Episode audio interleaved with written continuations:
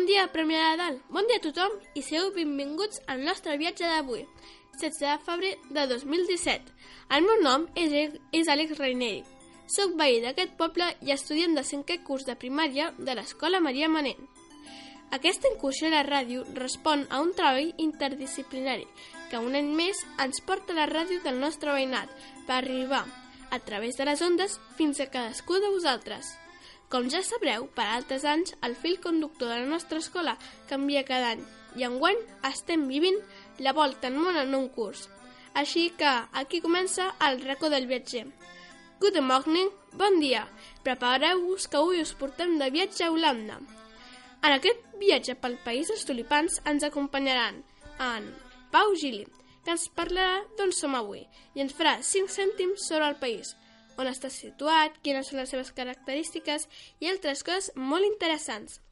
En Jan Pallaroles, que ens parlarà de la seva secció del diari del viatger, és a dir, de què podem fer un cop ja siguem a Holanda, quins llocs no ens podem perdre i quines són les visites més destacades. En Guillem Vellés, que ens parlarà del personatge d'avui i ens aproparà al que, sens dubte, és un holandès més internacional i un gènere artista. Finalment, en Younes Alidrissi, que ens farà conèixer la gastronomia del país i ens parlarà d'una recepta que farà llepar-nos els dits. Espero que gaudiu d'aquest programa pels països d'aquest viatge pels Països Baixos, perdoneu. Us deixo amb en Pau. Hallo, Pau!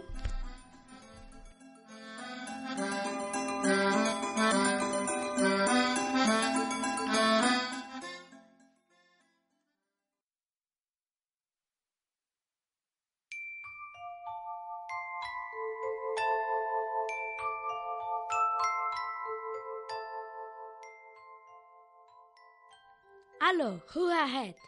Hola, com esteu? Moltes gràcies per presentar-me, Àlex. Avui arrenquem aquest viatge amb avió fins als Països Baixos, concretament a Holanda. Vinga, ens enlairem! Estimats radioients, com ja us ha dit el meu company Àlex Reineri, soc en Pau Gili i us faré 5 cèntims de com és Holanda i també us explicaré algunes curiositats sobre aquest país.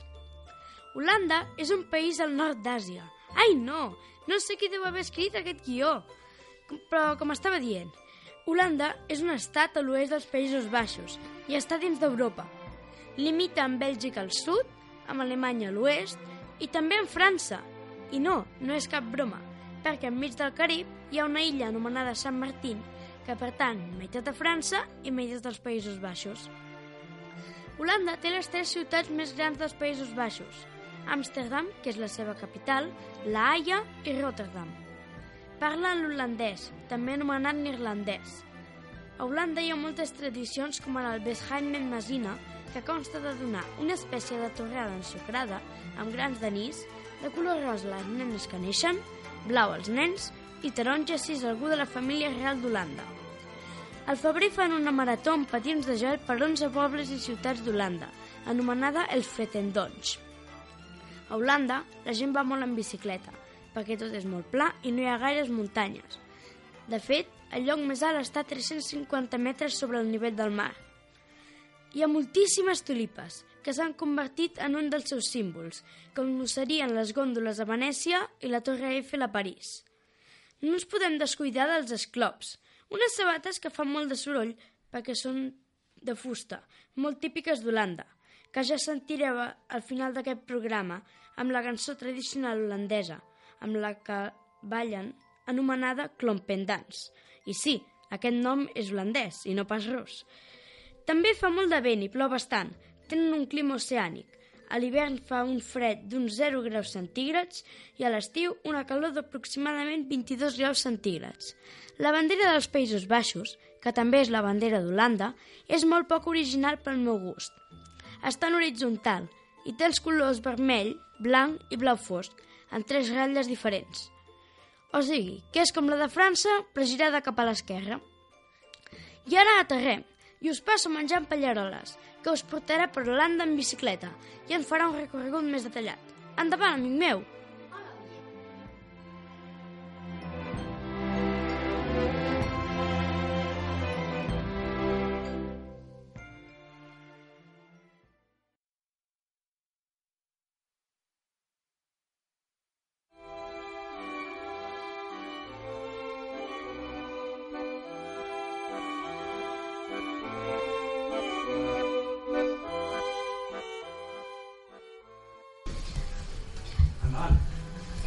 Gens. Em dic Jan. Com ja us he dit, el meu company Pau. Avui estem a Holanda. Si viatgeu a Holanda, és indispensable visitar la casa de l'Anna Frank, una nena d'origen jueu que va estar amagada amb la seva família quasi tota la Segona Guerra Mundial, amb la seva família i amb sis o set persones més. Lamentablement, malgrat el patiment d'estar amagada durant tant de temps, no li va servir de gaire.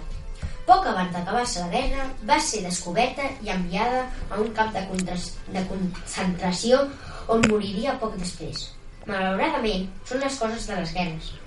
Tampoc no hem de deixar de visitar el Museu de Vincent William Van Gogh, que es troba a la ciutat d'Amsterdam, a la plaça dels museus. En seccions posteriors, el meu company Guillem ja us en parlarà d'aquest famós pintor holandès. De moment, només us dic que en el seu museu hi podeu gaudir dels seus quadres més famosos, com La nit estrellada, Els girassols, Els menjadors de patates, L'ametllera en flor, Els liris i moltes més. També hauríeu de visitar Efteling, el parc, més antic, el parc temàtic més antic d'Europa, que es troba al carrer Europala número 1, a la ciutat de Katzelwald. En el parc podem trobar-hi atraccions per a totes les edats, restaurants per menjar, places i teatres on s'hi realitzen representacions per a la gent. Tampoc no us deixeu de visitar els típics camps de tulipes, flor que és, que és tot un símbol en el país. Camps plens de color amb molins de vent entremig. Podem dir que és la típica estampa del país que visitem avui. Si visiteu la ciutat d'Amsterdam, us animo a visitar-la fent servir la bicicleta, mitjà de transport típic de la ciutat. Ciutat plena de canals que la converteix en una segona Venècia. I fins aquí el meu viatge. Arribam a la fi de la meva secció donant la paraula al meu bon amic Guillem, que ens parlarà de Van Gogh, personatge de gran rellevància en el món de la pintura, personatge d'una vida trista i d'un final tràgic però que sigui en Guillem que us expliqui. Salutacions a tothom i, un i petons.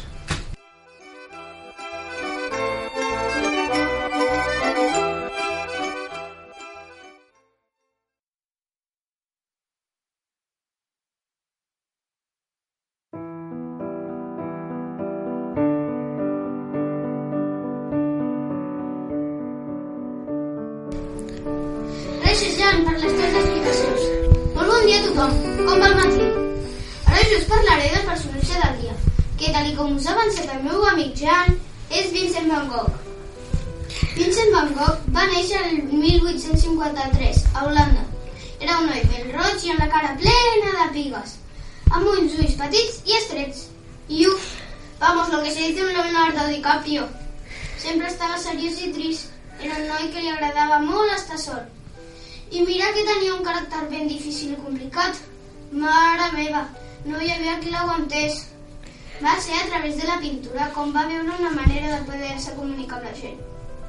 Als 27 anys va decidir ser pintor i anar a viure a París, la ciutat de l'amour, amb el seu germà Teo, qui va ser molt important durant tota la seva vida. Més tard, la, com la vida a París el posava més boig del que ja estava, se'n va anar al, al poble d'Arles i es va instal·lar una casa amb les parets totes grogues. Quin mal gust! Us imagineu quin color més estrany per una casa? Per això li deia la casa groga. Va ser en aquella època on ja va pintar quadres que actualment són molt famosos, com el quadre de la dormitori d'Arles, que era el dormitori on ell dormia. Van Gogh tenia un amic que es deia Paul Gauguin.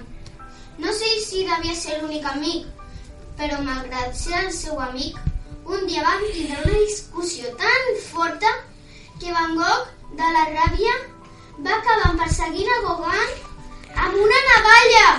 Estava ben sonat aquest noi. Mireu si estava sonat que es va sentir tan culpable de la discussió amb el seu amic que es va que aquella mateixa nit es va tallar l'orella. Uf, quin mal! I no solament això, sinó que també es va fer un autorretrat amb l'orella embanada. No m'estranya que la gent el conegués com el boig del pèl roig. Finalment, va anar a parar a un centre psiquiàtric i allà va arribar a pintar 500 quadres. La seva salut mental va, va anar empitjorant. Amb el temps, tal, de tal manera que el 27 de juliol del 18, 1890, quan tan sols tenia 37 anys, es va disparar dos trets i va morir. Quin final més trist, pobre home. I més si us dic que actualment els seus quadres són molt famosos i cars, però al llarg de la seva vida va ser un home molt pobre i solament va vendre un. Van Gogh va pintar quadres tan importants com els girassols, la nit estrellada, la collita, l'or blanc, l'habitació, la, la casa groga, el liri, el camp del cols, la italiana, l'habitació de res, el seu autorretrat. Actualment, els quadres de Van Gogh són molt famosos i amb uns preus altíssims. Qui en tingués un? Pobre Van Gogh. Ja veieu que la seva vida no era un, un camp de roses. Però, en fi, no ens posem tristos i continuem amb el nostre viatge, amb el meu amic Llunes. A veure què ens, ens explica ell. Salutacions a tothom i endavant, Llunes!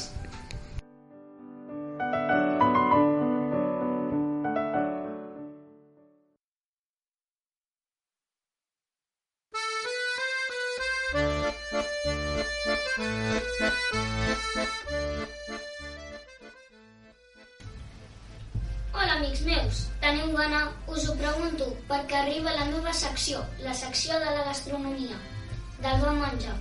I què podem menjar a Holanda? Doncs moltes coses. D'entrada us diré que a Holanda es menja molt de pa i patates. Per aquest motiu, un dels primers quadres d'en Van Gogh es va titular Menjadors de patates. També és molt popular una torrada amb mantega anomenada bescuit, que, que s'acostuma a menjar per esmorzar amb diferents sabors i que es fa servir per a múltiples celebracions. La cuina d'Holanda és molt coneguda pels formatges, alguns tan populars com el Gouda, Edam i Leiden. Moltes ciutats d'aquest país tenen els seus propis formatges, molt característics, pels seus sabors i les seves aparences exteriors. La patata bullida apareix pràcticament a tots els plats de la cuina holandesa, ja siguin de carn, peix o verdures.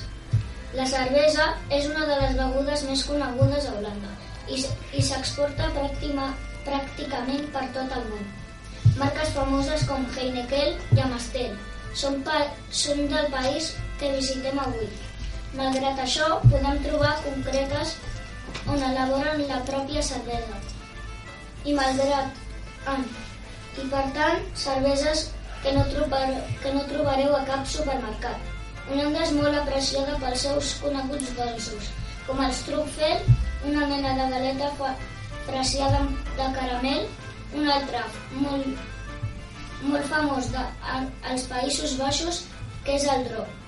La galeta que es tracta d'un caramel de regaliesa molt popular. I per últim, i per acabar amb els postres, no us deixeu de tastar els dolços de Sant Nicolau. Dolços que, com el perpoten els petits massapans, els pècules poperges, pan chocolade o nines de xocolata i els chocoladeter o lletres de xocolata. Un dels personatges més facticis més populars del Sant Nicolau és el Pedrito, que és el negre encarregat de llançar aquests dolços a les cases. I això és tot, amics meus. Tan dolç em fa grinyolar els budells. Arribem a la fi del nostre viatge per Holanda. Ens adrecem cap a l'aeroport a camí de tornada a casa. Recordeu, qualsevol reclamació li feu al meu company Àlex. Només cal omplir els fulls de reclamació per triplicat que trobareu sota els seients. Salutacions i a reveure.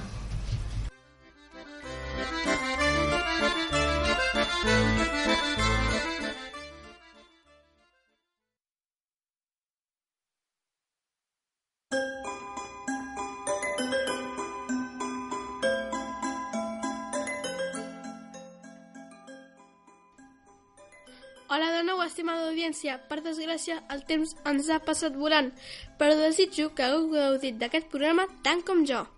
Ens agradaria molt dedicar aquest programa als oients que ens esteu escoltant, en Gogh i la seva família. Ah, i sobretot a l'Anuc, una magnífica estudiant holandesa que va venir a la nostra escola a fer-nos classe d'anglès i va marxar no fa gaire.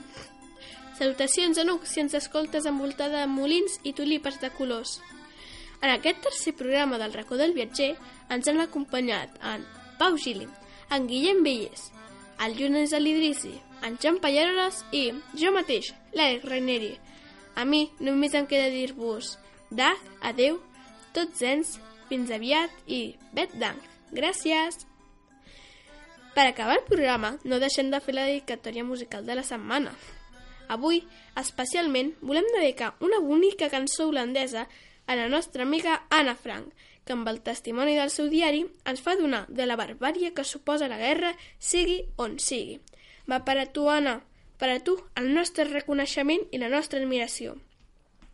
Petons a tothom i salutacions. Fins la setmana vinent. Petons i abraçades. Petons del viatger.